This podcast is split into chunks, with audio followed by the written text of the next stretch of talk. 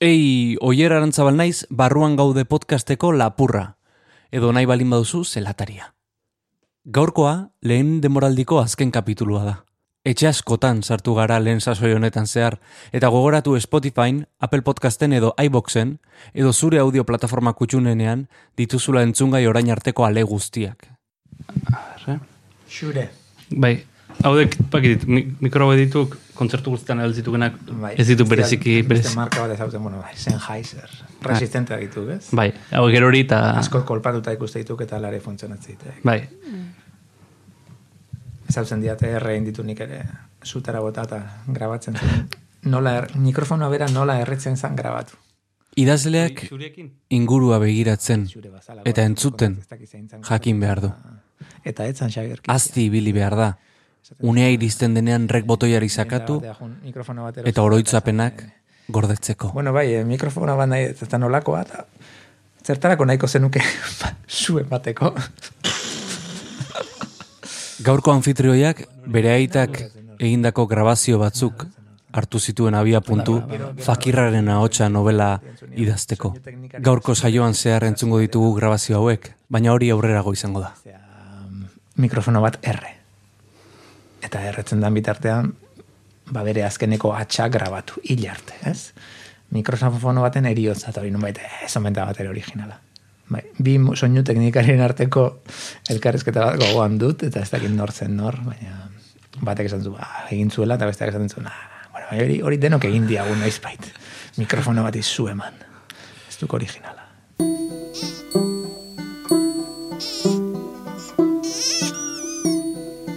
Gaur, barruan gauden, arkaitz kano.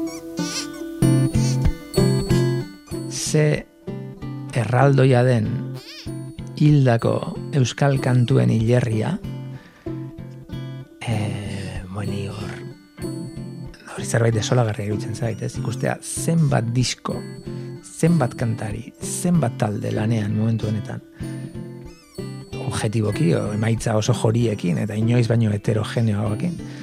Nola, disko horiek geratzen diren alako betiereko limbo batean inork erreskatatuko ez ditu edalarik, ez?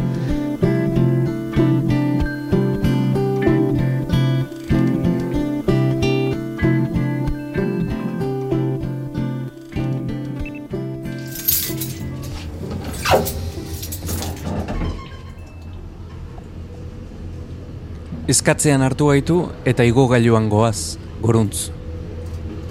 Guardilare ezin dek editzi ascensoriekin. Igo baioa, zazpigarren pixura edizten. Zortzigarren pixu batean, telatuan, dauka bere etxea arkaitzkanok.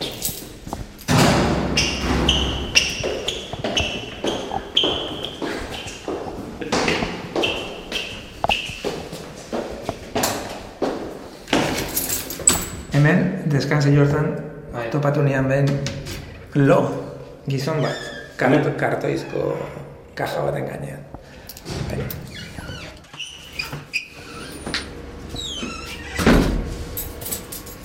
Hemen berriz ikusten dek teiatu. Egiako telatuak ikusten dira, azken pasilloan. Eta bizilagunak guztizik egin tarota eta liburuak. Hori da. Naiz edo naiz e, usten ditu liburu batzuk nahi ez ditunak, eta Eta usan, bi, bi etxeak bat ziren, ez? bi etxeak bat zian, eta bertan bizi izan e, atezaina. Da gero, zuten, bitan banatu.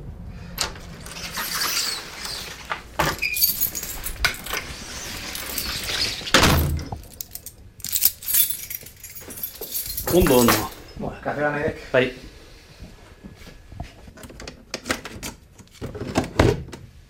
Eta bizilagun guztiak esnatzen dituen kafetera.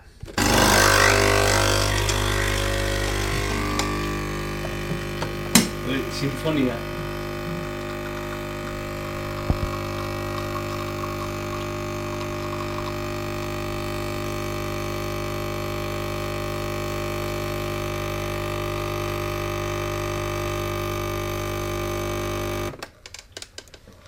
Jesus. Katilua eleganteak, eh? Hori bai. Beste zerrez, baina katilua. Hau da, o Nondik ekarritako gari baitu. Ez hau da, e, Santos Bregaña, orain Koldo Mitxelenan dauka erakusketa bat. Berak diseinatutako bajila baten parte. Eta nik egin nien testu bat bajila katalogorako. Eta bajilan katalogoa bera portzelanazkoa zen. Gero erakutsiko diat. A ber, eh, nola itzengoek, arkaitz. Ja, Ik esate jaken bezala. perfecto. Bai, Bai, horra, perfecto. horla ondo, bale. Oso ondo. Lehenengo, osea, eh, beti eskerrak ematea. Dexentetan sartu nauk hemen, baina, baina, bueno, bi mikrofonokin sartzen ustea eskertzi. Inkonstiente hutsa, nahi zen seinale. Ez pentsa, eh? Mi, Mikel Iturriak esatezunen naizela arriskutsua. Zanion, eskerrik asko ze arriskutsua naiz da ez, ez zantzian zuetzea arriskutsua. Etze arriskutsua eh, kamarari gabe. Horrek eh, babesten nau pixka bat. E, Guazen kokatzea entzulean, Nu- nun gaude, e, arkaitz? Bueno, egi, egia auzoan gaude tabakalera parean. Orain handere zigarrogileen plaza deritzon hori da tabakalerako sarrera nagusia, lehen garai baten mandasko dukaren berrogeita marra zen, ba, gu gauden lekua da, berrogeita maika. Hau da, parez pare. Hor, eh, azkeneko pixua buardilatu batean, eh, Ramon Saizarritoriak donosti txabolista deitzen dion, horren paisaje, horren parte, deskri, zela deskriba genezake ez. Badu bere xarma, baina egia da, bagoiko pixuetan bizi garenok, ba, batzuetan igogailua ez dela bertaraino iristen, edo uralita itxusi xamar batzuk daudela inor erretiratzera ausartzen ez dena, eta horren truke, ba, Ba, bueno, mm, olako argi gehiago, ez, goiko pixua txikiagoa dira, baina argia ere badute. Eta ikusten da, ikusten da, iru zentimetro karratu itxaso, gero erakutsiko dizkiat, hor, ko- ikusten dituk. Eta urguleko, urguleko, urgul magaletik gorakoa ikusten da. Rio de, Rio de Janeiro. Bai, hori da. Ah, batez ere argia, ez? Argi...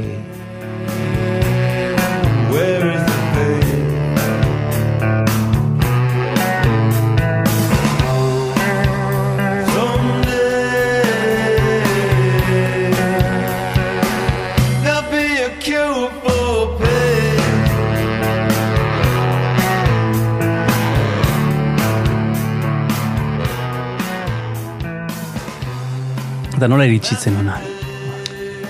Ba, ona laro gita emeretzia. Laro gita emeretziko urtarrilaren bat, e, e, laro gita emeretziko abenduaren hogeita maika da, urte gaua hemen pasania. Hemen lorenean. E, laro gita emezortzi, laro gita emeretzia, no, e, bizi izan ninduan e, New Yorken, eta handik etorrita. Moduz zegoen etxe kutsi horietako badonostian baita orduan ere. Hau eta da, sekretu badauka txikia izateaz aparte, makurtu egin behar dela sartzeko. Hau da, ez sartzeko zehazki, baizik bestaldera pasatzeko. Bitan banatua dago, eta beraz, e, sukaldeko aldetik logela edo den zati hortara pasatzeko ez dago makurtu beste aukerarik. to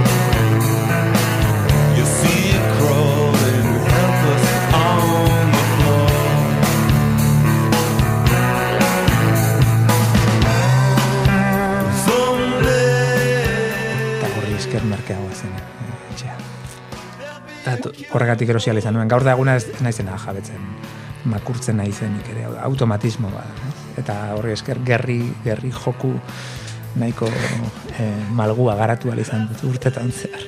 Ez da, e, ba, etzan baldintza ordun, ez? E, ma, makurtzearen eta gaztea, gaztea zinen orduan. Orduan bai, orduan gaztean nintzen. Ez, etzen baldintza, baina, bueno, ba, egia da, garai batean, e, garai batean etxe honetan nunbait bizi zen etxeek eta porteroak eta atezainak zeuzkaten garaian, atezaina bizi zen hemen. Baina gero ja espekulazioa ez da gauza berria, atezainak berak saldu zuenean bitan banatu zuen. Orduan nik daukat atezainaren etxearen erdia. Eta beste erdia ah, Isabelek dauka, beste bizilagunak.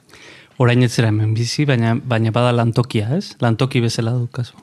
Hori da, bai urte askotan hemen bizi izan nintzen, eta orain, bueno, ba, ja, liburu eta trastez josita dagoen ontan, ba, bizitzeko txikitxo Mhm. geratzen zen. Bai. Mhm. E, Laroita meretzi hartan, New Yorken, orduan, e, e, egunkarian idazte zenuen? Bai, Euskaldunon egunkarian. Orduan, eh, han idatz, handik astero barkatu aman idazten nuen kronikatxo bat. Eta infernuko sukaldetik izena zuen sailak, hori Martxelo tamen diren asmazioa izan zen. Eta handik, e, ba, e, handi bidalitako kroniken bilduma bat atera genuen gero piano gainean gozaltzen izena zeukana. Bai. Baina garai hartan, garai hartan gainera, bueno, internet bai, bageneukan, baina eh, nik ez neukan, ez neukan portatilik. Beraz, egiten nun idazteko makina elektriko batean, artikuloa idatzi, gero metro hartu, eta Chinatowneko, ez, Chinatown ez, nez, e, bilitxeko Mm. kafe txino batera joaten nintzen, eta bertan kafe txar bat edaten nuen bitartean, egiten nuen berriro kopiatu e, artikuloa, eta horti bidea.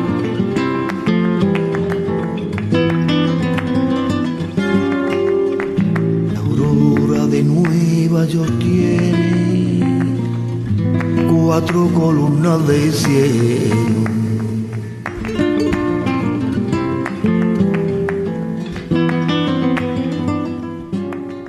Ze geratu zaizu New Yorkeko e, zantzia hartatik? Bueno, ba, oroitzapen ikaragarri bat, askatasun urte bat, edo nolabait idazle egin nunduen urtearen oroitzapena, ez? E, bizitza guztia pasan nuen, ba, ikasten, e, nahiko rutina batean, eta ja, hogeita irurterekin, ba, bueno, lehenbiziko aldiz, karrera ere ikasi nuen, no, gurasoekin bizi nintzen, donostian ikasi nuen Bai. karrera, orduan oso oso oso gertuko eremu batean eta ba, urte horretan pixkat izan zen bueno, urte bete nire kaxa zer da idaztea eta besterik ez egitea orduan e, ba, do, daukan horitzapen nagusia da ino, inoiz izan dudan urterik em, libreena eta behar bada eman korona izan zela ze hiru liburu ekarri nituen batetik kronika liburu hori gero pasaia blues novela eta poemario bat orduan, Por la inmensa escalera, la aurora de Nueva York ba, dedikatzen nintzen Eman gorra izan zen. Bai, ba, baneukalako beka bat, e, Mm. Joseba Jaka beka neukan poemari bat idazteko, eta, bueno, ba, neraman bizitza, ba, bazen e, geroztik errepikatu izan ezin dudan e, e, bizitza bat, zau da, diletantea, eta kontzertuetara joa, eta morfinen kontzertu bat ikusi, eta hau, eta eta Central Parken pasiatu, eta gero- Bizizalea, zi, eta bizizalea. irakurri, bai.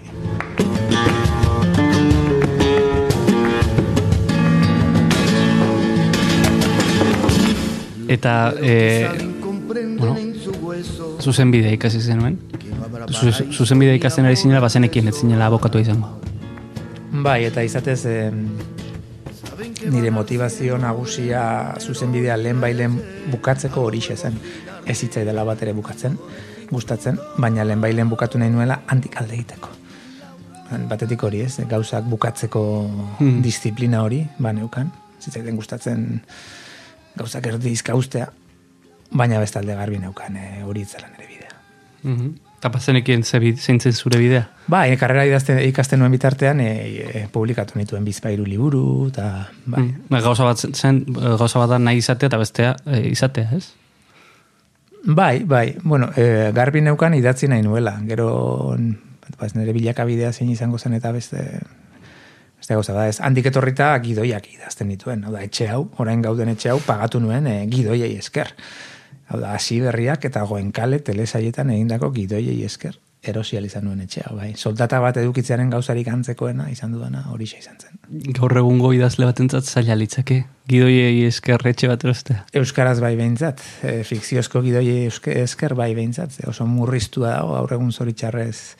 Bai, 2000 garren urtean esan izan balidaten neri hogei urte beranduago euskal fikzioa egongo zela horren estankatuta, e, telebisioa esan nahi dut, ba, behar bada ez nuken sinistuko ez. Telebista ikusten duzu? Mm, Ba, ikusten dut, batez ere, bueno, telesailak eta ikusten ditut. Telesailak eh, Netflix eta horrelako plataformetan. Bai, bai. Ez dut izenik esango, baina plataformetan bai. Hmm. Eh, the City and the City, orain eh, olako zientzia fikziozko bat, atzo. Mhm. Hasi ginen ikusten. Bai. One, two, three, four.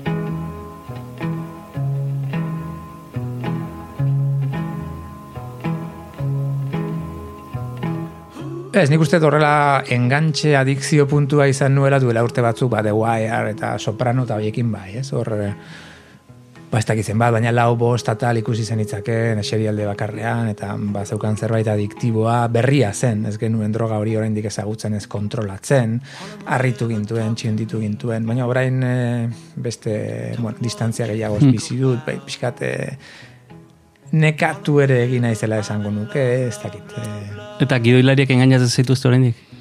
Bai, batzuetan, bai. Nahiko, nahiko inozoa naiz ni espetxa. Zu truko danak ezautze dituzu, edo ia danak. Bueno, baina orain eh, trukoa da, trukoak ez errespetatzea, ez? Hor dago, ba, manualek diotena denok ezagutzen dugu, baina benetan trastenditzen duten telesailak eta pelikulak dira manual hori, bueno, horri beste buelta bat ematen diotenak, edo...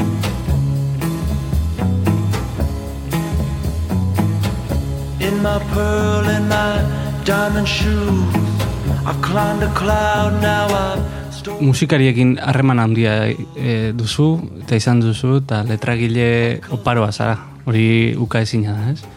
E, nolakoa da musikaria? Mm, bueno, beti esaten dut e, musikariak idazlearekin alderatuta ba, garunaren beste alde bat erabiltzen duela lanerako nabarmen, ez? Eta behar bada horregatik moldatzen naiz ongi, haiekin edo, zuekin edo, ez dakit, oier nun sartu behar ote dudan.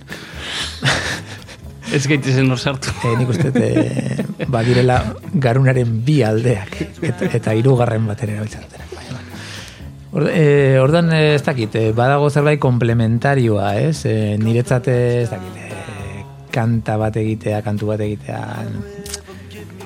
bada zerbait nire gaitasunetatik oso urrun ikusten dudana, ez? Osa, oso, bueno, ez, ez du nire burua konzibitzen melodia bat sortzen, ez? Eta aldiz konturatzen naiz, ba, musikariek batzuetan badutela harreman konfliktiboa hitzarekin, edo batzuei axola zaie hitzekin zer esan, beste batzuei zain beste. Eta niri hori ikastea zenbateraino axola zaion musikari edo kantari bati musika, edo berak ze kontatu nahi duen, edo zer ez duen kontatu nahi, edo ze hitzekin daukan mania, edo ez, edo mm. esaten zu, "Eh, nik itzau ez nuke inoiz esango kanta baten. Ta, bueno, ba, horrelako ikasketa hori polita da. Gero, ba, em, fakirran ahotsarekin esan izan dut elkarrezketetan, ez? Iruditzen zait kantaria badala norbait oso konstiente bere auskortasunaz egiten duena egiten duelako zuzenean. Naiz eta diskoak aparte utzita, ba, bere funtsa kontzertua da askotan, ez? Orduan, e, kontzertu batean ondo atera daitezen gauzak izarrak lerratu behar dute. Ez dago zure esku bakarrik, ez da musikarien esku bakarrik, ez lekuaren es, esku bakarrik, ez eh, egun hortako audientziaren menpe bakarrik. Momentuak dauka. Gauza asko Bai. daude, ez? Eta ba hori, eh, flamenkoek duende esaten dioten, hori inork ez dakiena zer den, baina badagoena, ez? Eta behar bada horrek asko markatzen du nire ustez eh, kantariaren izaera eta bere kezkak, bere neurosiak edo. Eta zuk metrika, e, e, poesia, ez dakit poesia ditu, ez? Edo, edo luma bera moldatu behar dezu, abeslari ezberdinetara, ez? E, abeslari bakoitzak mm, letrak modu ezberdinean ulertuko ditu, e, hartuko ditu, ez? Eta hori da polita, hori polita da idaztea e, kanta baten letra pentsatuz nork abestuko duen. Ada, pixka bat, idatziko bazenu bezala gidoi bat, edo antzerkilan bat, pentsatuz ze aktorek egingo duen, ez? Oda, ja, horrek asko errazten ditu gauzak. Hmm. E, gogan dut nik e, koenkalen idazten genituenean dialogoak, ba, bazeuden pertsonaia batzuk, e, de, ba, bueno, e, ba, ez ez dakit, e, txapas eta tximas. Bai. Ba, lekuko zaharrenak gogoratuko dira zein diren, ba, hoiek iaia bakarrik hitz egiten zuten. Eta jasotzen zenuenan beraien sekuentzia bat nik dialogoak egiten dituen bakarrik. Ja, sekuentzia idatzita jasotzen zenuen eta haiek izketan jarri behar zenituen Mm. ba, bakarrik. iaia inolako aleginik gabe, ja bazegoen kimika bat, ja aktore bazeukaten forma oso markatu bat hitz egiteko, eta bere sortzen zen, sekuentzia idazten zen oso azkar. Eta kantarikin gauza bera gertatzen da, pentsatzen baduzu ze gaiz, beze bere kantaera zein da, normalean lagunak izaten dira kantari hauek, orduan ez hau dituzu beraien kezka, beraien aurreko diskoak, e, zer e, abestean leudeken eroso edo ez, edo ez. Mm. Ba, nik idatzi ditudan kantu gehienak ez nituzke inola zere idatziko baldin eta espanitu pentsatu kantari zehatz horretan. ez. Mhm. Eta hori da, ederra, hau da, pixka zure lana jartzea, besteen zerbitzura, besteen medium lanak egitea bezala, ez? Mhm. Unkitu zaituen, azken aldian unkitu zaituen abestirik? Ba, bueno, ez dakit, eh, Gauza hundia da esatea, eh, unkitzea, eh? ba, uni asko unkitzen hauen disko bada, pues maite larbururena azkena adibidez, ez bigarrena. Ez urren azpian, ez urren azpian, kanta bera adibidez, ez? Ez urren azpilan oh.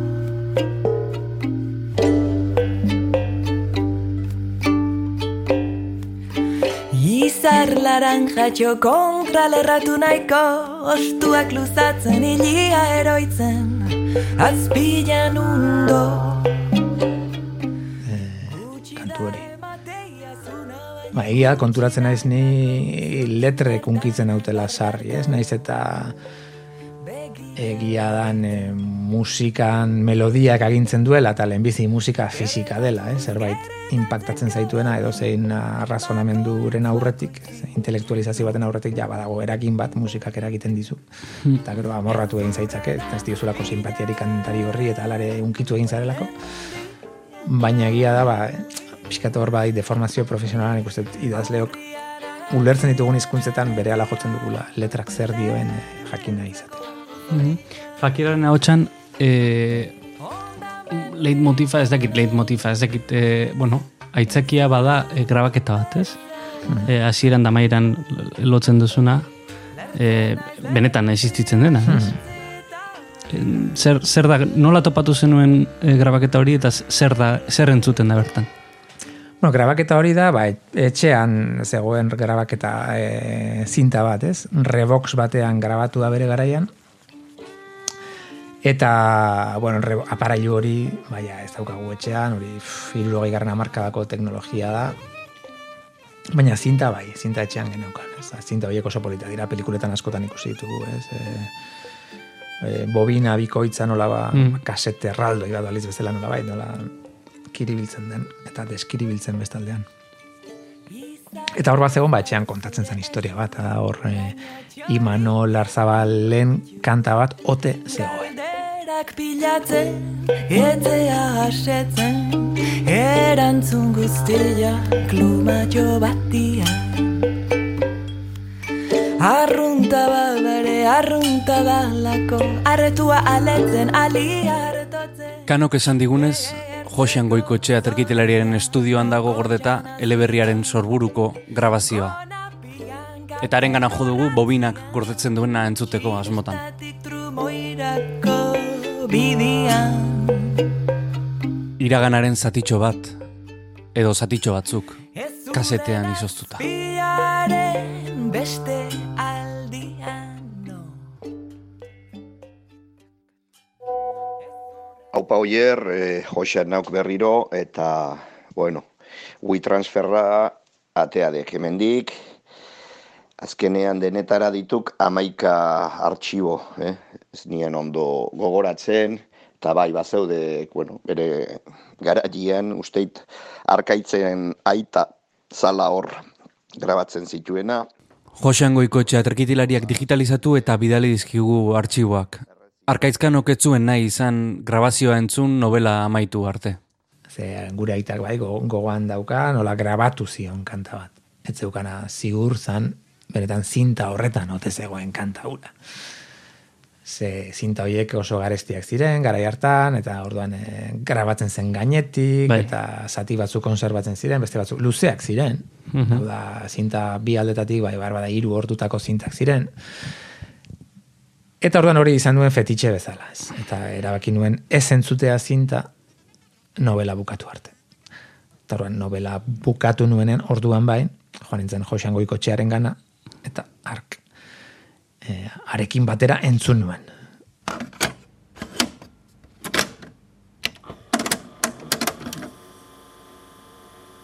Ba, zintan zegoena zan, besteak beste, bueno, Max Mix bat zen. Zeuden grabazio, garai ezberdinetako grabazio askoren kolaj bat zen. Tartean zegoen Nicolás Guillenen poema bat, bere haotxean grabatua. Un blue llora con lágrimas de música en la mañana fina.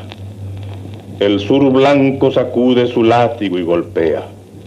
Van los niños negros entre fusiles pedagógicos a su escuela de miedo. Cuando a sus aulas lleguen, Jim Crow será el maestro. Hijos de Lynch serán sus condiscípulos. Y habrá en cada pupitre de cada niño negro tinta de sangre, lápices de fuego. Ziurraski disko bat jarrita mikrofono baten bitartez regrabatua, nolabait kopia bat, eta zen Little Rock poema. Un blues llora con lágrimas de música en la mañana fina, el sur blanco sacude su látigo y golpea, van los niños negros entre fusiles pedagógicos a la su escuela de miedo. Gero zegoen baita ere, hau da behar bada, grazia gehien egin zidana, nire aitaren ahotsa, aita e, bere zuzenbide internazionaleko lezioa repasatzen. Da, zer egiten zuen, grabatu. Derecho constitucional como pregunta el poder político. En todas las sociedades, distinción entre gobernantes y gobernados. Zuzenbide politiko edo nazioarteko zuzenbideko teoria, gero behin eta berriro entzun, buruz ikasi arte, ez? Eta gero baita ere bazegoen oso berezia e, grabatua lasarteko Santa Anako juizioa. Eta Santa Anako juizioa da, Santa Anako jaietan lasarten egiten dan e, juizio farsesko bat.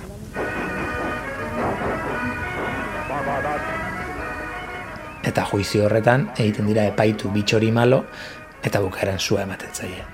Eta juizio hori epaiketa aprobetsatzen da urtean zehar lasarten gertatu diren gauza xelebreen parodia bat egiteko. Ban beti idazten du herriko norbaitek, herriko jendeak parte hartzen du, oso gauza herrikoia da, eta urte hartan irurogeita ama pikoan, ba, nire aitak idatzi zuen libretoa. Eta haren grabazioa dago, osorik ezpada, hortxe hortxe.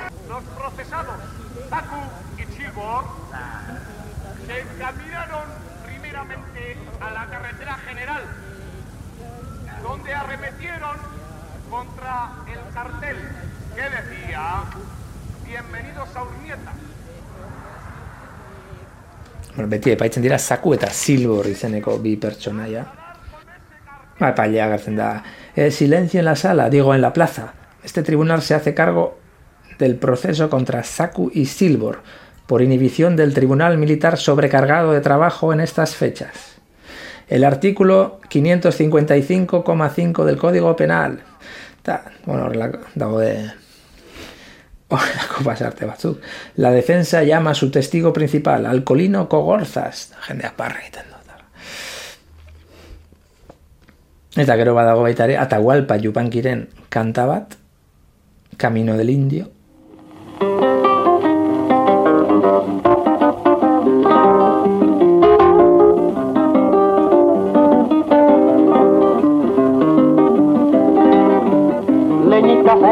De aquellas lomas voy a buscar.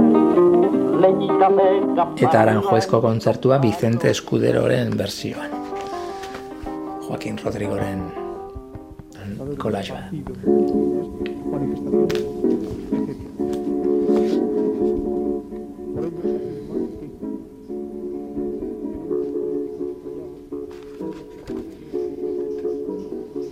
Euria hasi du egiako buardilan. Taleioa zabaldu dugu.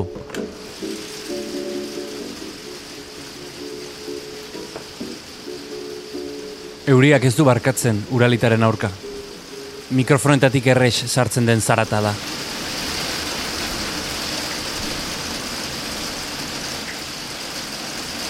Esan diat balen, belauntzia zala hemen, euriak ere zarata gehiago ateratzen ditu.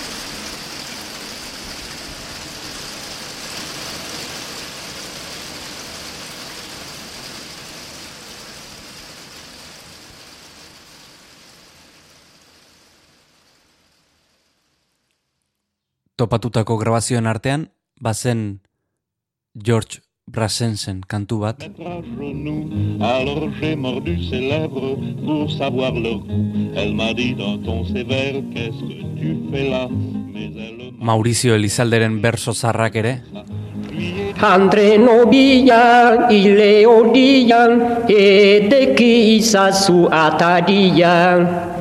Andre nobian, ile odian, edeki izazu atadian.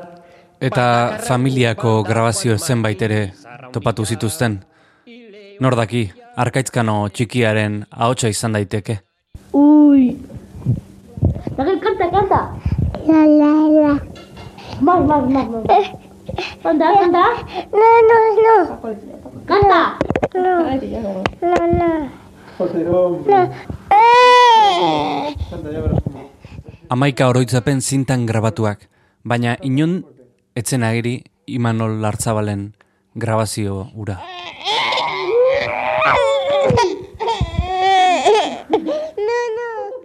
Dena ezin baita gorde, dena ezin baita oroitu.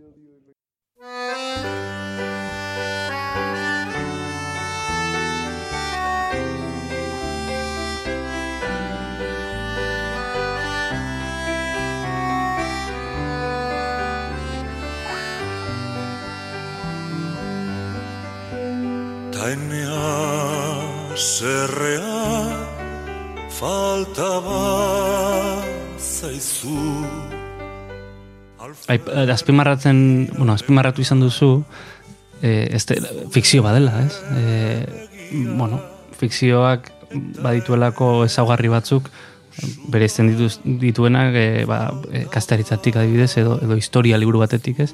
Esan nahi dut, eh, bertan kontatzen da Imanor lurgainen historia. Ez, Mm. Imanol Larzabalena, naiz eta Imanol Lar, Larzabalena presente egon, ez? Atzetik. Eh, egon da hor konfusiorik jende baten partetik? Bai, bueno, logikoa zen konfusioa behar bada, ez? E, Imanol Larzabal, Larzabala egiten zitzaidan novela batean giltzaperatu behar izateko, beraz, e, aukeratu nuen lur gain kabituko zen Imanol bat, naiz eta lur gain dagoena ez dagoen fikzioan, ez? Hor, hor e, bueno, hiru olako salto mortal, irukoitz bat e, egin nuen horretaz konstiente izaki eta horrek dauzkan arazo konponezinezko, ez? Konstiente baita ere. Eta ene oroitzapena faltaba zaizu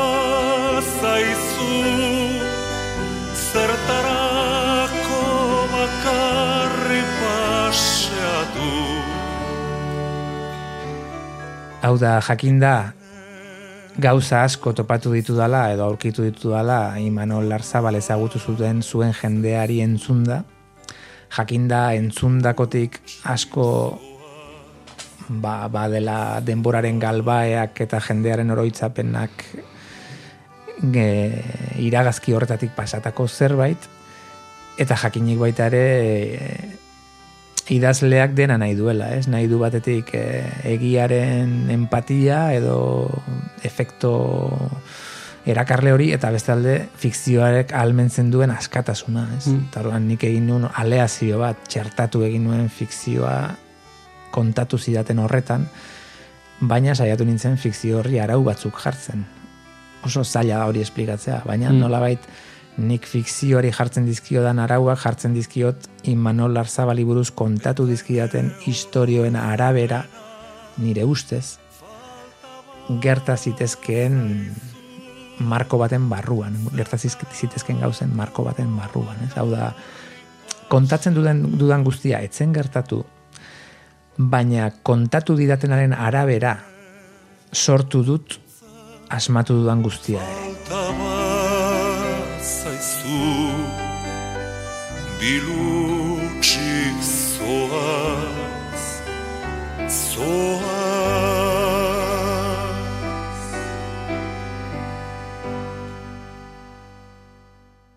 Hau da, e, kontatzen badidate historia bat, e, personaia baten perfila ematen duena, ni saietzen naiz perfil horretako pertsonaia batek esan edo egin zezakeen haren pareko zerbait sortzen. Bere azalean sartzen.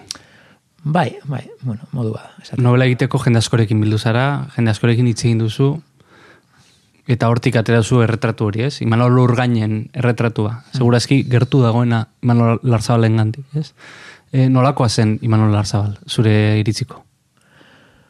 Bueno, ba, e, ba, nik esango nuke eta mm, entzundakoaren arabera batez ere, ba, bazela persona, persona bat oso, oso librea, bere mm, ideien arau bizi zena, baita ere gauza material, materialekiko ez zeukana atxikimendu berezirik, bazela baita ere pertsona bat behar bada ideal batzuen arabera bizi zena eta ideal horien arabera bizi izatea ba, larrutik ordaindu arazi ziotena, baina batez ere esango nuke kantari bat zena, bi- zela bizi zena bere musikaren edo bere bokazio horren edo bere doaiaren zerbitzura, esango Mm. nuke. Eta jakinik zerbitzu horrek edo e, doai horren zerbitzura bizi izateak emango ziola bizi modu bat behar bada berak susmatu zu, zuena baino bezainona ez edo berak desio izan zuena bezainona ez baina hori emango ziola ez e, eta behar bada oso markatua ba, Parisen pasatako urte hoiengatik ez e, berak e, Parisen ezagutzen dituenean Paco Ibáñez eta Mustaki eta denak, ba, behar bada egiten du bere pelikula, bere etorkizuneko pelikula, haundia izatean zer izan nahi duen. Eta behar bada hori egitea euskaraz kantatuz eta soziologia jakin Mm. batean eta urte jakin batzuetan, ba, etzen berak aurre ikusi bezain posible edo. Hitz egin izan dugu ontaz, baina eh, badirudi novela gehiago gustatu zaiola nere belaunaldiko jendeari edo Imanol mm, agian urrutiago geratzen zaion jendeari, Hmm. e, Imanol ezagutu zuen jendeari baino, ez? Belaunaldi Hmm. zaharrago bat baino. Ez? Bai, behar bada badagoelako distorsio saiestezin bat, ez? E, norberak gertuti bizi izan dunean historio bat, eta xehetasun oso zehatzak ezagutzen dituenean, sens- sensazioa da oso posesiboa garela gure iraganarekin. Orduan, e, gure iraganari buruz negoziatzeko pres gaudena besteekin, Hmm. eta batez ere gu baino gazteagoa direnekin, e, txikia. Hau da, ez hori ezen horrela izan, edo nik ez dut horrela oroitzen, edo naturala da, ez? Ze onartu behar dut nik askatasun asko hartu ditu dela novela hau idazteko orduan. Ze askatasunak hartzeko hartuko espanitu edo idazlearen amoraltasun jolasti hori neure buruari permitituko espanio, ba, ez dakit, ez dakit nire lana zertan zertan datzan, ez? E, nik horrela ulertzen dute idaztearen lana. Da, eta izatekotan ere, askatasun gehiago ez hartu izana, lepora dietzaioken nire buruari, baina inoiz ez gutxiago hartu, ez hartu izana, ez? Orduan, em, bueno, sai ez da, e, ne, norbait galtu zidan, ba, zu bihurtuko bazintuzte, hemendik urte batzutara perfiziozko pertsonaia nola hartuko zenuke, ba, Hmm. Ba, bueno, ba, modu saiestezinean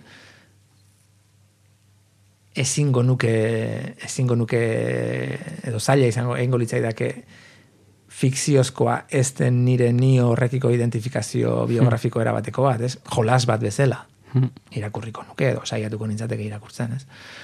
Orduan, e, ba, Imanol Larzabal ezagutu zutenen kasuan, ba, normala da sortzea olako distorsio bat, ez? Ba, irakurle mota batek mm, horri aldeek aurrera egin ala asumitu dutena edo, edo konbentzioan sartu dira eta beste zenbaitek ba, behar bada ez. ez? Lo- Lortzen duzu Imanolen azalean sartzea, ez? Eta hori da eta horrekin batera dator e, alambrearen gainean e, ibiltzea, ez?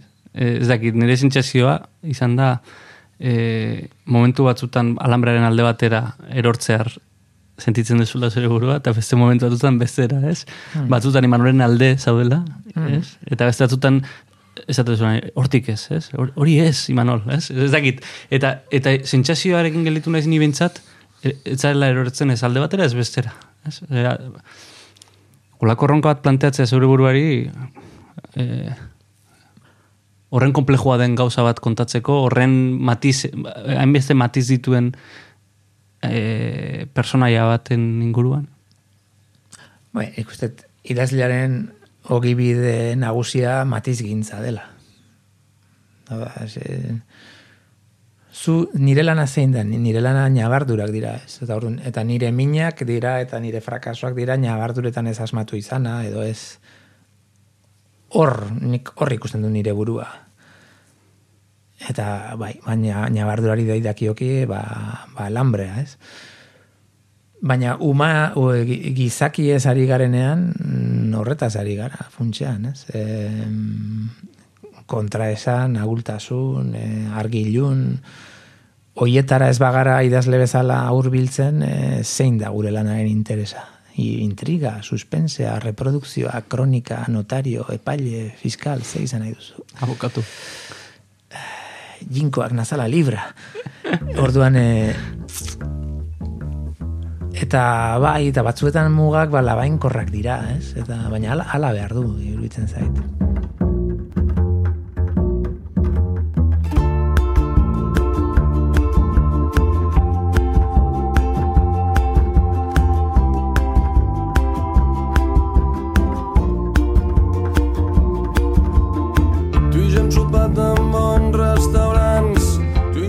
Prekaritatea ere badago, asko. E, Imanolen personan, ez? E, personari lotua ezinbestean. E, bere autuengatik eta bere bizitza ulertzeko eragatik akaso ez. E, baina prekaritatea e, nik uste musikari askori lotua dagoela, ez? Bai, zoritxarrez hori da aldatu ez den zerbait. Bada esango duenek baita ere, e, hainbat musikari eta antzeslari demagun, e, m- modu prekarioagoan bizi direla orain, ba, liburuan a, azaltzen diren laro igarren amarkadako urteetan baino, ez? Hor badaude egitura batzuk artikulatu eta desartikulatu zirenak edo ez direnak garatu behar badala oigarren amarkadan aurrikusi ziteken moduan.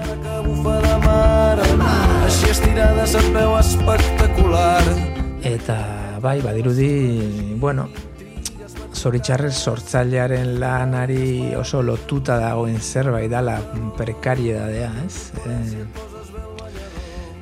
eta bueno, horrek zer pentsan beharko liguke. Està l'aigua i tot està llest per tal que entrem. Al mar,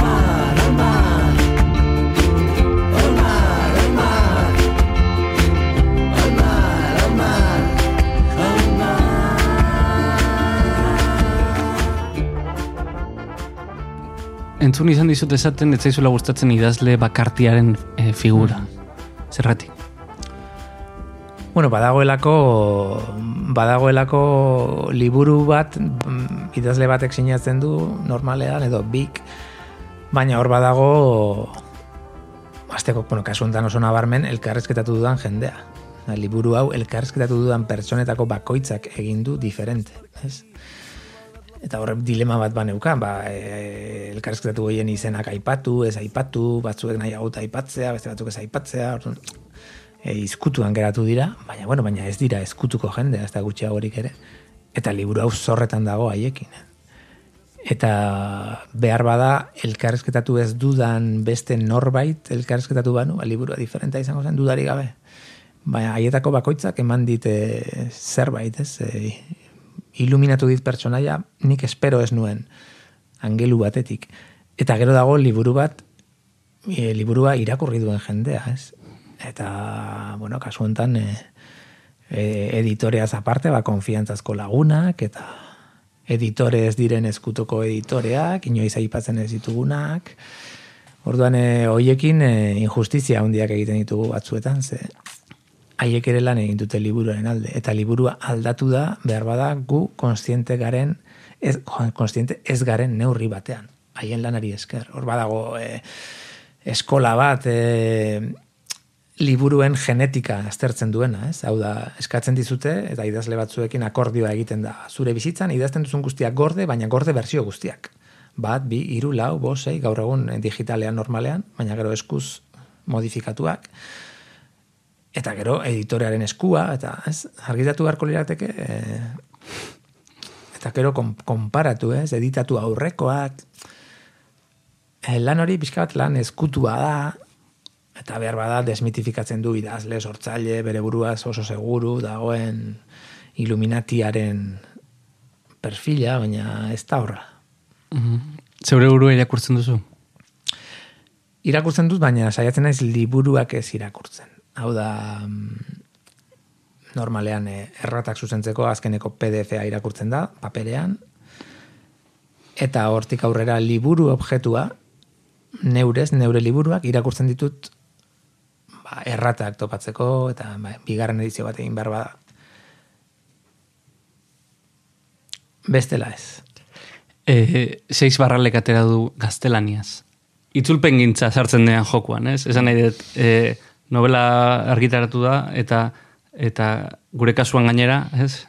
E, gazteleraz argitaratzea da urrengo pausua izat, bueno, e, denek ez dute lortzen, baina baina bada, bada e, bueno, beste novela bat, ez?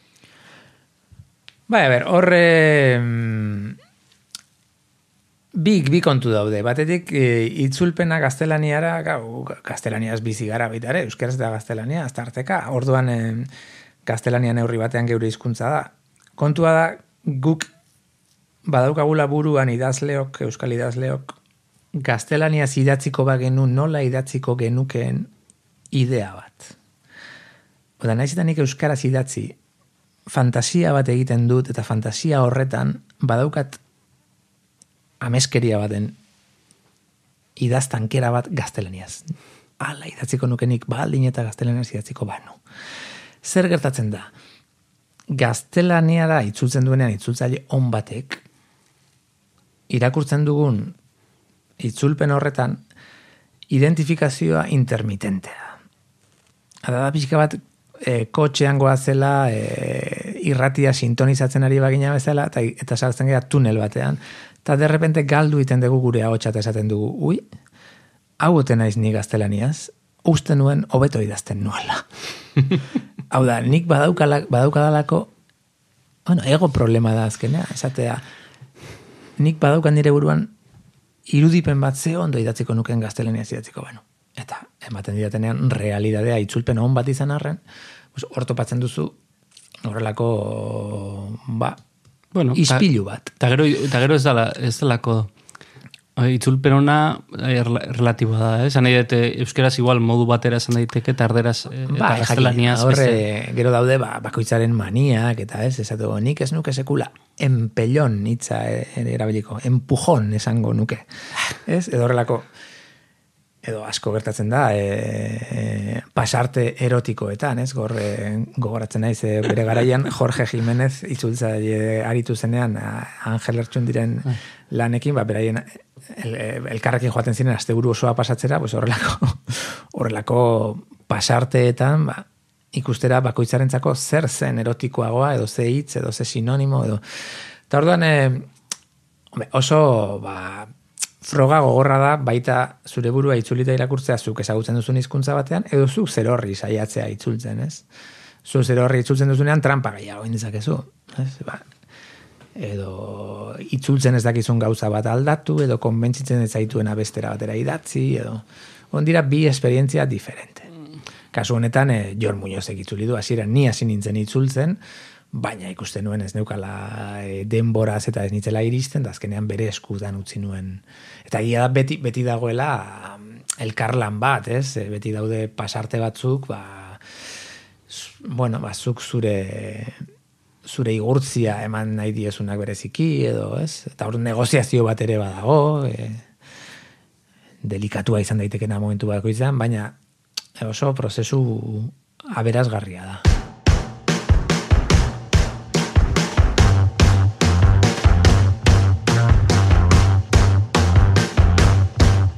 Bizkuntzekin bizi baikara hemen, ez? Eta simetria, ezinezko simetriak. Hmm. E, artikulu bat e, argitatu zenuen bozentoko eunkarietan eta sekulako oi hartzuna izan zuen. E, gainera, saritua izan da. E, ni, ni neu harritu nintzen, e, el korreok sari bat emango dio arkaitzi eta zer eta simetri, Hmm. ezinezko simetriaren inguruan e, aritzeagatik. Bai, deigarria, deigarria izan zen. Ni pentsatu nahi dut, ba- badagoela, bueno, horre, desizozten ari den zerbait, ez? Bueno, baikorra nahi zenetan hori pentsatu nahi dut. Ez, ba, badagoela, ba, nola bait, beste era batera, beste kodigo batzuk adosteko adosteko nahi bat ere, ez? E, momentu batean esaten da, bueno, beti dago hizkuntza bia dakizkienaren eta hizkuntza elebakarraren artean, pues beti dago ezberdintasun bat, asimetria bat, ez? Baina nola, nola gainditu daiteke hori? hizkuntza autua norberak hitz egin nahi duen hizkuntza hitz egin dezan bermatuz, ba ni dut e, kortesiarekin. Azteko eta behin. Hau da, hor bada, Bai. ba, e, badago edukazio ona deritzon zerbait, e, gure arazoen, mm, arazo guztiak ez, baina arazoen euneko hogeia edo hogeita marra e, konponduko lukeena, ez? Da, bueno, ematea ba, ez da, behin planteatu nuen, ez? E, eun, eun hitz. Bueno, ba, e, eun hitz jakin beharko genituzke de- denok euskaraz, euskaraz hitz egiteko ez nahirik, ez gogorik, ez asmorik, ez daukatenek ere, eun hitz jakingo, vale, ja- jakiteko ze hori, e, kompromiso hori hartuko balute, pues ja, bueno, minimo bat e, Hmm. balegoke, ez? Eta, eta minimo horretatik nor daki, gero ez litzateken domino efektu bat sortuko ez dakit batzuetan oso baikorra naiz.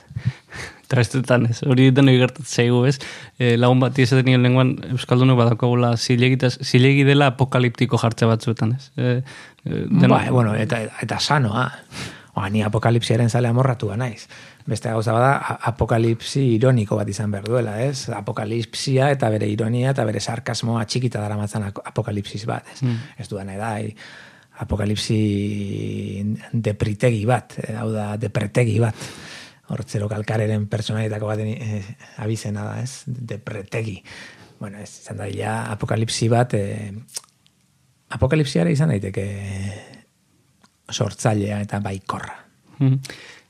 Garai aldaketa bat bizi dugu, nik uste ez, eta eta lurrak mugitzen ari dira Euskal Herrian, ez. E, mm, arkaitz e, politikokin non, non kokatzen da? Bueno, ba, aldak, aldaketa horretan beti egona izen lekuan gutxi gora bera, ez? Ba, batetik eszeptizismo handi batean, bestetik e, baita ere jakin minaren ereduan, gizartearen eredu ezkertiar bat e, Mm. ten konbentzimenduan, ezke, ulertu, ulerbedi ezkertiar hori zentzu zaharrean, hau, egingo dut irratian egin daiteke hau, la, asterisko bat jarri, ez? Bai. eta jarri, ba, bai, ba, bai. bueno, hitzak behar dira elkar ulertzeko, ez? Eta uste dut e, euskal zaleoi dagokigula baita ere behar bada mm, ba inoiz galdu ez dugun e, kompromiso hori ezaztea edo deitu nahi baduzu militantzia edo edo pelmada ematea, baina ez dago besterik superbibentziarako, iruditzen zaite gauza batzuek eh, edo berme batzuek edo mm, erabaki batzuek eskatzeko orduan epelegi jokatu dugula, ez? E, hizkuntzaren ez leku batzuek eta hizkuntzaren eta ez hizkuntzaren bakarri, baizik eta demagune nire obsesioa dena, euskal kantuen Hmm. eh, ekosistema horren babesa, ez? Hor iruditzen zait, asko ere erabaki ausartagoak egin behar direla, medio publikoetatik eta bitarteko publikoekin, ez? Eta hori ere politika da, eta ekosistema da, eta oso kezkatua ikusten dudan bezala jendea, eta ni ere banago, ba, sudurretik zer, eh, zer zabor sartzen dugun edo ez dugun, ba, nahi nukeen jendea mobilizatzea baita ere, ba, belarrietatik zer zabor sartzen dugun edo ez dugun horrekin, ez? Ze hori ere ekosistema da, eta hori ere osasun mentala da. Mostikea Izpilu atzean Etzanda daude Zure begiak Moztu papinen zilborestea Claro, Davidek, eh, bueno, hor eskuntzaren eh, eskuntza ulertzeko modua da, ez nire ustez gakoa, ez? Askotan eskuntza eskoletara mugatzen den kontzeptu bat, ez da, ez? Ez nahi dute eskuntza da etxea, eta eskuntza batez ere da, dira edabideak, eta da, eta gero eskola. Bai, eta, esk, eta eskuntza eta eskola lotzen, lotzen da am, zerotik amabira bitartean. Ez? Hori zona barmen ikusten da, ba, Durangoko azoka batean, e, zein erraz erosten dituzten gurasoek liburuak seme alabentzat, eta zenbat pentsatzen duten, edo nola zaien hain erraxa suertatzen norberarentzat e, liburuak erostea. Badirudi, ez, hor badagoela adin franja bat nun eziketa, nun liburuak, nun horrek badaukan leku bat, eta gero ba hori e, nolabait iraungi egiten dela.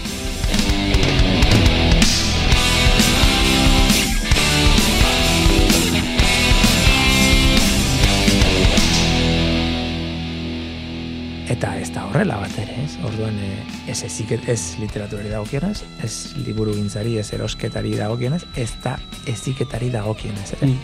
Guk ezitzeko premia daukagu, eta ikasten segitzeko premia, ez? E, hor, e, akatsa handia da, pentsatzea, ja, besteek diotena ez entzuteko lizentzia moduko badaukagula. Mhm. ETV bat ikuste duzu? Gutxi, gutxi. Ez ia istripuz. nuke. Egia esanik. Bai, e, bueno, mm, bueno, albistegiak ikusi nitzake, eta bar, baina egia da, e, telebistarik ez dut ikusten. E, ez baldin bada gauza zehatz baten bila. Ez da militantziaz. Ez, ez, ez ba, ni ere ohitu naizelako ikustera mm, fikzio telebizio bari dagokionez, ba, estandar batzuetako kontua, eta hor, zerbait apurtu da. Hor, de badago diru, diruaren aitzakia betikoa, ze, gure aurre kontuak, eta bar, pixka igarria egiten zaite metodo o, ose, masiboak diren edo mediatikoak diren zenbait produktuekiko gure ahoa irekitzeko joera eta entrega absolutoa, Hmm. e, demagun e, tronudema, Bai. edo horrelako fenomenoekiko ah, nola olatu horretara ze, ze gustora igotzen gean hartaldekiro, eta aldiz, e, ba, ez dakit, beste erabateko, edo gugeronek ez hori bezalako, baina, bueno, beste, beste erabateko fikzio telebisiboak sortzeko sistema ez artikulatuta egotea hori, abiskat neronek egin ditu dalako, e, te, telesaietan eta aritu izan naizelako, baina hori sistema hori, industria hori, ekosistema hori, ze talde lana da. Hor ikusten da, Bai. eta hor gabezia handi bat hor dago, ez? I liburu bat idatzi dezake pertsona batek, baina telesail bat egiteko behar da talde lana, eta behar da aktoreak eta gidoilariek elkar ezagutu dezaten, zerk funtzionatzen duen, zerk ez, eta funtzionatzen duen taldeak, giza taldeak egin behar dira, sustatu, lagundu, eta hoiei bitartekoak eman, ez? Da hori, bai, momentu batean egiteari gusten zaio, eta desarilkatu egiten da, edo ez dago aurre ikuspenetan, edo... Nol, edo- nol, nolako edabide publiko nahiko zenuke? bueno, hori monografiko bat egiteko litzateke, baina azte, azteko eta azteko eta behin eh, azteko eta behin eh, nik uste dut eh, a ber, edabide Euskal Irrati publikoen zeregina ez dakit horrela dagoen estatutuetan, baina izan beharko lukena geure gizartea eta kultura ezagutu sustatu ezagutarazi eta albalitz audientzia lortzea. Orden horretan. Ez? Orduan, e, hori presente edukiko duen edabide bat, e, sikiera, ez? Hau da, eta kuota usain guztien abolizio batekin, eh? E, onun, oh, askotan sensazio dauka, ba, delen esaten duena, ez? E, Nertzako oso gogorra da ikustea, ba, zuek kan, eta kantariak eta ezagutzen zaituzte dalako, eta ikusten dudanean, ze erraldoia den hildako euskal kantuen hilerria, e, bueno, hor, hori zerbait desolagarria iruditzen zait, ez? Ikustea zenbat disko, zenbat kantari, zenbat talde lanean momentu honetan, objetiboki, o emaitza oso joriekin, eta inoiz baino heterogeneoakin, nola disko horiek geratzen diren alako betiereko limbo batean inork erreskatatuko ez ditu edalarik, ez? neri hori herri bezala oso gorra iruditzen zait. Bestalde, ari garenean modua kritiko batean laudatzen ez dakin noren eh, Madonaren edo dena delakoaren eh, azken diskoa edo efemeridekin gertatzen zait, ez? E, falta botatzen dut, ez dakit hori kultur sailaren azpizail baten azpizail baten adarkadura izan beharko luken, baina, hau da, e, e- edukitzea oso konstiente nazioarteko efemerideak zeintzu diren, eta ez edukitzea geure efemerideen, ze efemerideen bidez hiltze hiltze, eta mailukadaz mailukada ere, hori tresna bada ereitiko eh, memoria kolektibo bat eraikitzeko, ez gaur bezalako egun batean duela berrogeita mar urte, Bai. alako, grabatu zuen alako. Bueno, hori eraikuntza kultural bada. Eta holako gauzatzen nahiko axola gabe jokatu ote dugun susmoa daukat. Eneko zagardoiekin hitz egiten, bera orain patria telesailan dabil lanean, eta berak esaten zuen, ez? E, falta motatzen zuela diru publikoa, e, ba, zinegotzi baten hiliketa kontatuko duen telesail bat e, iteko, edo e, errefuxiatu baten eta bere alabaren arteko harremana kontatuko duen telesail bat egiteko, ez? Eta hor dago, e, zea, ez? E, berriz goaz, ez? Kontakizunaren historioa, ez? Baina, e, ez da gauza berria, zinemak eta telesailek orain, ez? E, ze indarra daukaten e, kontakizun bat e, edatzeko, ez? Adibidez, e, judutarrek Hollywood nola erabili duten, beraiek nahi duten kontakizuna kontatzeko, eta eta guk oraintxe adibidez ze gaitasun gabezia daukagun e, ba bueno, ba historia horiek guk kontatzeko, ez? Gure historia guk hemendik kontatzeko, ez? Ez dakit. eh, Ba, hor bi gauza daude. Batetik dago batetik dago bai, erabat ados badagoela, bueno, e, fikzioaren bitartez garai bat azaltzea, azaltzea edo momentu batean epifania batera lortzea edo komunidade bat e, e, gertaera batzuekin pe- zer pentsa jartzea hori badago Ez- nire sensazioa da baita ere, azkeneko urteotan, e, behar bada, fikzioara dedikatzen garen hoi eskatzen zaigula berez guri ez dagokigun laun bat. Hau da, mm, eh, beti jartzen dena adibidea, baina eh, Madame Bovary idazten duenean Flauberrek ez du idazten Madame Bovary emeretzi garren mendean olakoa zen adirazteko. Idazten du Madame Bovary pertsonaiak eraikitzeko eta merezi duelako eta eta hor Madame Bovaryn garrantzitsuena Madame Bovary da. Ez emeretzi garren mendea eta ez Frantzia. Orduan, eh, bai, albo, albo emaitza bezala, badakigu garai hori nolakoa zen, harremanak nolako ziren, eta bar. Ba, badirudi gaur, gaur egun eskatzen zaigula, e, alako fideltasun bat, leialtasun bat, gertaerekin, e, bi, e, e, mm, rekonziliazioarekin, batarekin, bestearekin, eta kontu zibili behar dugu hor, ze gure arauak ez dira, ez du ez lukete izan behar horren estuak, ez?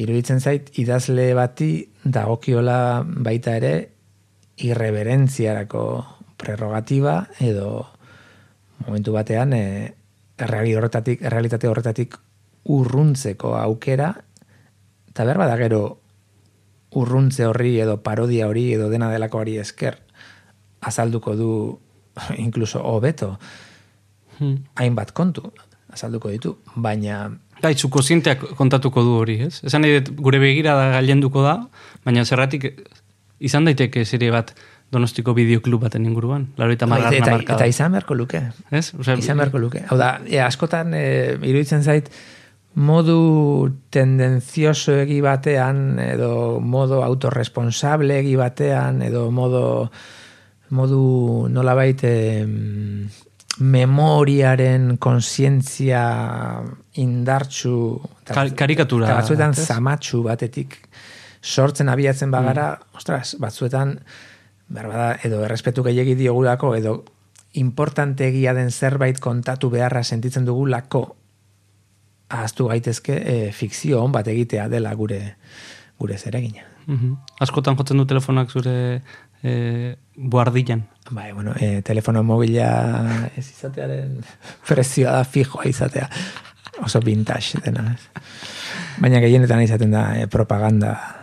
Hmm. Badakazu alde eskutu bat arkaitzalare, telefonoa ez zaukazu, baina batzutan bai, nik oraindik nahi dut jakin zinden zure eskutuko Twitter kontua.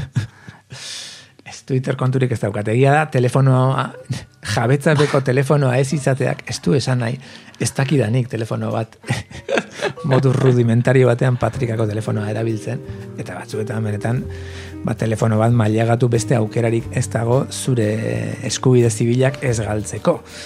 Zia, ez dago internetez e, egazkin txartel bat erosterik, ez badaukazu telefono mobil bat eskura, edo transferentzia bat egiterik, eta bar, ez. Orduan, hor, hor e, bur, burruka horretan bizi naiz.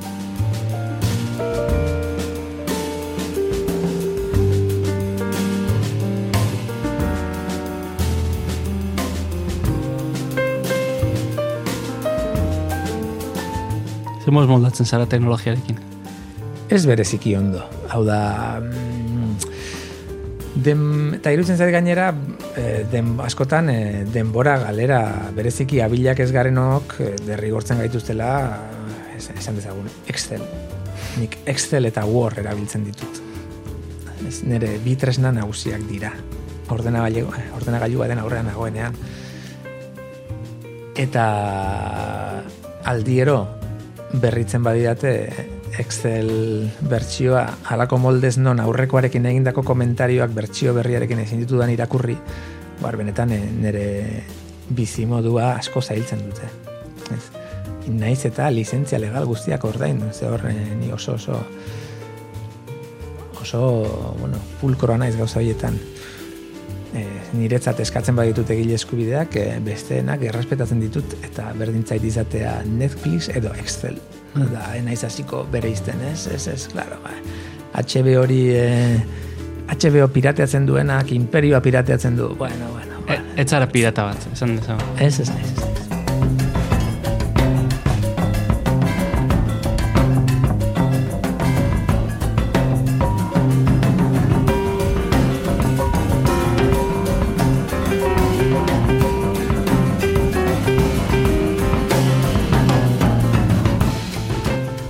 E, non, guazen eh, berriz ere hemen kokatzera eh, jendea, ez? E, ordenagailu bat daukazu, bi ordenagailu dauzkazu.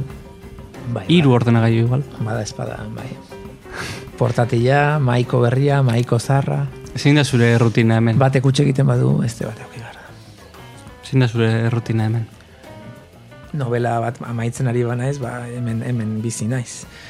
Hemen hau gau eta egun, eta hor, eh, idaztela, idaztelana ez da jende galetzen dizu borondate honenarekin, ba, zertan zabiltza, ba, azkeneko hogeita bostutetan ibili naizen gauza berberean, ez? E, nahian eta ezinean. Hmm. Hau da, bua, urte askotan lo dauden gauza hoiek, eta derrepente esnatu eta berriro arreta eskatzen duten historia hoiek nolabait ekarri nahian Nola, zuregana, ez? nola aukeratzi dituzu lanak? Ze, Ferminek esan zidan, zuk e, behin esan zenuela, Fermini ez eskorik eman dionik ez duzula ezagutzen. Ni jakineko nuke, ea badagoen eh, ez eskorik eman diozun horrait zuk. Ai, bai. Bai, bai, bai, batzutan ezezkoak ematen dituzu, baina a ber, e, gauza guztiak ondo joan da ere zaila daukagu. Hori da niretzat e, orentxe em, Mikel Sotorekin izan naiz eta ari lapurtzen diot esaldia, ez? Gauza guztiak ondo joan da ere zaila daukagu. Orduan ni saiatzen naiz, ba, nire inguruko jendeari edo estimatzen dudan jendeari ondo joan dakion nik aldu dana egitea, ez? Eta horrek esan nahi du, ba, ekosistema horren parte sentitzen naizen einean, bas, saiatzen naizela jendeari, ba, ni nire almenen arabera laguntzen, ez? Artearen eta superviventziaren artean, kinkan. Bueno, e, superviventzia arte bada, ez? gauza, gauza bera da. Bai, ez dakiten. E, idazten hasi nintzenean, behar bada, hasi nintzen idazten pakean utz nintzaten. Hau da, ni nahiko persona bakarti eta asoziala nintzen. Eta nik idaztearen ofizioa lotzen nuen, nire kaxa, bakarrik egingo nuen zerbait, interakzio sozial minimoa eskatuko zidana. Paradogikoki, ez? Orain interakzio sozial handiko garaia bizi ditut. Eta, bueno, pentsatu behar dut baita ere aurrera begira, e, ba, Noruegako borda batean e, isolatu behar dudan, atzo esaten zuten denbora, denbora abolitu egin dutela Noruegako herri batean, ez? Bai, bai. Erabaki dutela erlojuak kentzea eta erlojurik eta ez da oso nobeleskoa den zerbait da. Orduan, em, ez dakit, orain, ba, gorputzak eskatzen dit, e, ba, nire izaeragatik eskatzen dit, e, bizi, bizitza sozial handia daukadan garai baten ondoren, ba, eskatzen dit trikutzea, ez? eskatzen dit eskutatzea. Submarinora izultzea. Bai, badakizu e, guardilla honi e, belaontzia deitzen diogula, e, bere itxuragatik, eta makurtu behar delako, eta, eta bar, eta haizea asko entzuten delako, haizeak astintzen duenean, oso zara eta interesgarriak entzuten dira. Orduan, bueno, ba, ba, orain banago fase horretan pixkat belaontzia portutik aldentzeko nahi edo bai, korputzak eskatzen didan zerbait da. Baina bestalde, e, iruditzen zait, mm, nik idazle izateko aurkitu dudan modua hau da, ez? E, jendearekin gauzak egitea, eta behar bada, ba, nire obsesioak ere aldatzen doaz. Jendearen Mm. obsesioekin kutsatzen joan naizen enean. Eta ez nago deseroso bihurtu naizen multiobseso honekin, ez? Hau da, bestekin igurtzia handiko idazlea bihurtu naiz. Bai, horrek nire lanari kaltea ekarri dio, atzeratzea, atzerapena eskatu dio, denbora gutxiago dedikatzea. Ez dakit bazer esan, e, lehen, aipatzen zenuen alambrea, ba, kinka horretan ere asmatzea izango da kontua, ziurazki. Irigintza plana, etxaun zaharra. Ez da beti asmatzen ordea. Ez ez da beti asmatzen, batzuetan e, ezezkoa esan ondoren penatu egiten zara, beste batzuetan baiezkoa esan ondoren damutu, beste batzuetan baiezkoa oso konbentzituta eman ondoren gauzak ez dira esperotako bidetik ateratzen, batzuetan zure proiektuak eh, atzeratzen dira asko, beste batzuetan ez dakit, baina ez zait iruditzen e, Bada, bada gauza bat dela e, denboraren lujoa ematea, ez? E, hau da, proiektu bakoitzari merezi duen denbora ematea. Hori gaur egun, oh, gaur egun oso zaila da, eta gaina kontra, korrontaren kontra joatea da. Eta uste dut hor gotortu behar dugula, hor pixka radikalak izan behar dugula, esateko orduan, e, beira. Hori Elizabeth McLean entzun nion behin, en esaten ziotenean, zertan ari zara, berak esaten zuen, lau urteko proiektu bateko lehenengo urtean nago eta dena geratzen zitzaizkion. Eta oso oso formula polita erutzen zaitze, ja, Baldintza garbi usten duzu baldintza. lau urte beharko dituzula zerbait egiteko. Ze edo zer gauza serio egiteko lau urte behar dira. Orduan, eta politena zen Elizabetek urrena topatzen zuenean pertsona bera eta galdera bera egiten zionean, berriro esaten ziola urte beteren buruan, aurten ere lau urteko proiektu baten lehenbiziko urtean dago. Eta gustatzen, iruditzen zait munduan egoteko oso modu polita dela. Lau urteko proiektu baten lehen urtean planto eginda bizitzea.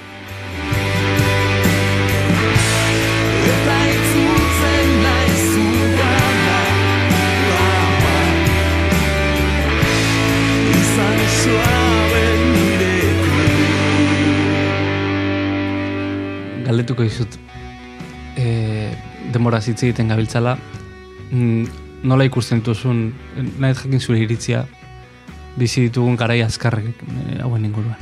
E, e, geure benal, belaunaldia, ez, eta geure nere belaunaldia eta ostekoena e, bizi da olako harrapala batean, ez? Eta batzutan ba, lau urteko proiektu baten lehenengo urtean egon beharrean e, bos segunduko ez- Normalean lau eguneko proiektu baten bosgarren egunean.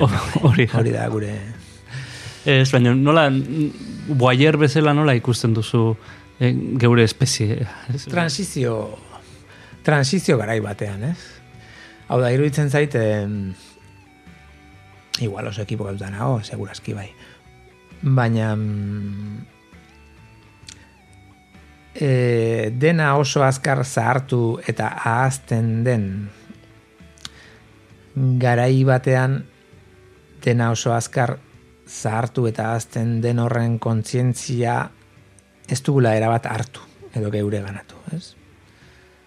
Oda gaude, gauzen kaduzidade iraungipen azkar, azkar, azkar horrena.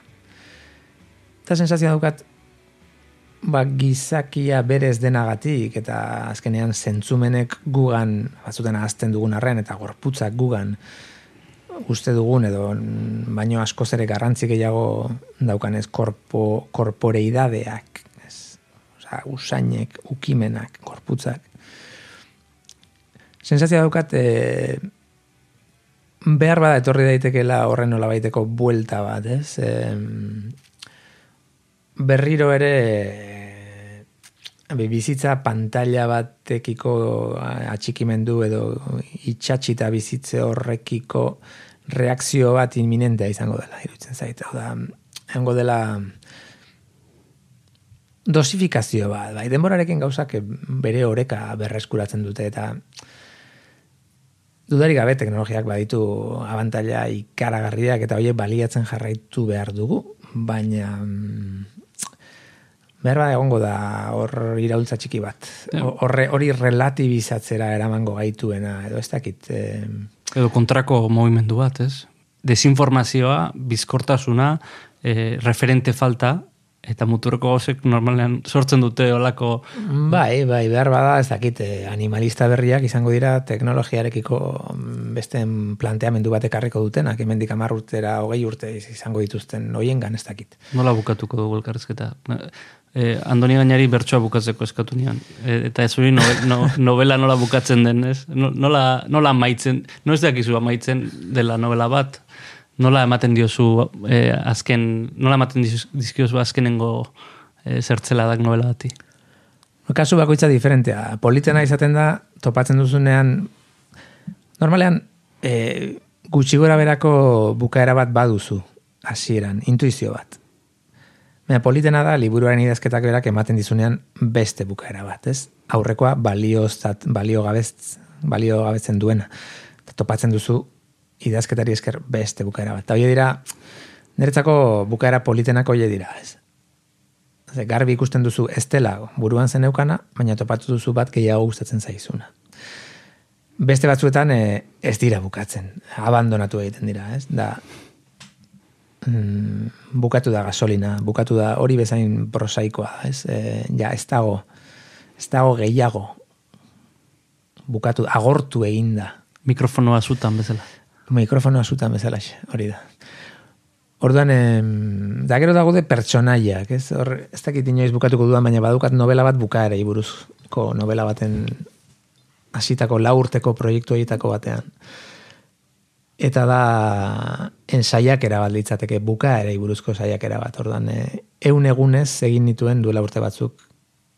Jeiki orduko egunero pelikula bat ikusten nuen, gozaldu aurretik. Eta pelikula horren bukaerari aztertzen nuen, folio batean.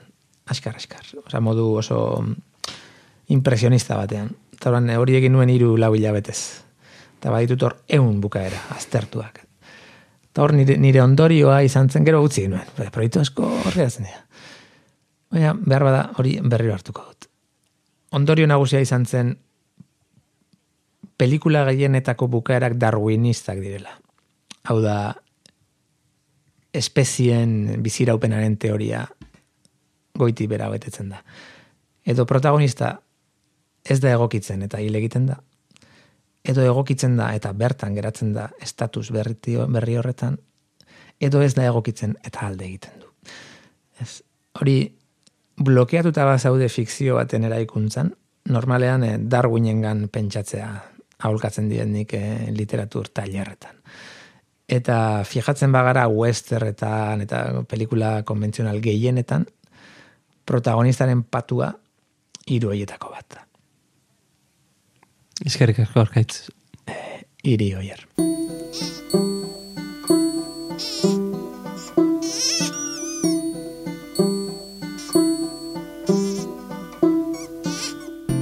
Arkaizkan oren teilatutik egingo diogu agurra, barruan gaude elkarrizketa podcastaren lehenengo denboraldiari. Gogoratu, jarraituko duela.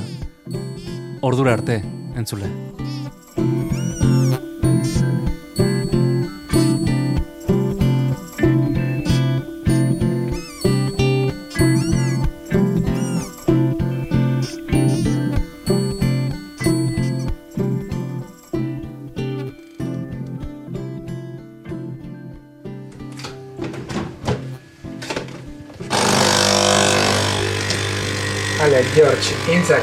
Bat.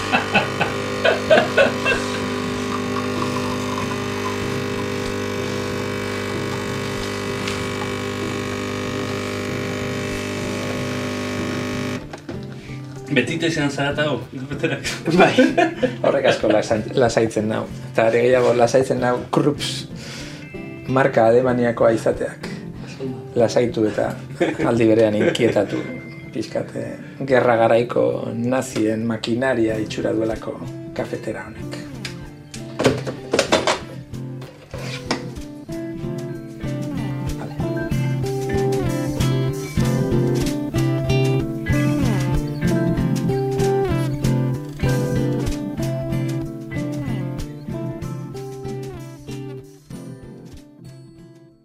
Esker bereziak Josean Goikotxea trikitilareari audioa digitalizatu eta igortzeagatik. Barruan gaudeko sintonia Joseba Irazokiren kanpoan abestia da. Do tokitik kanpo diskokoa.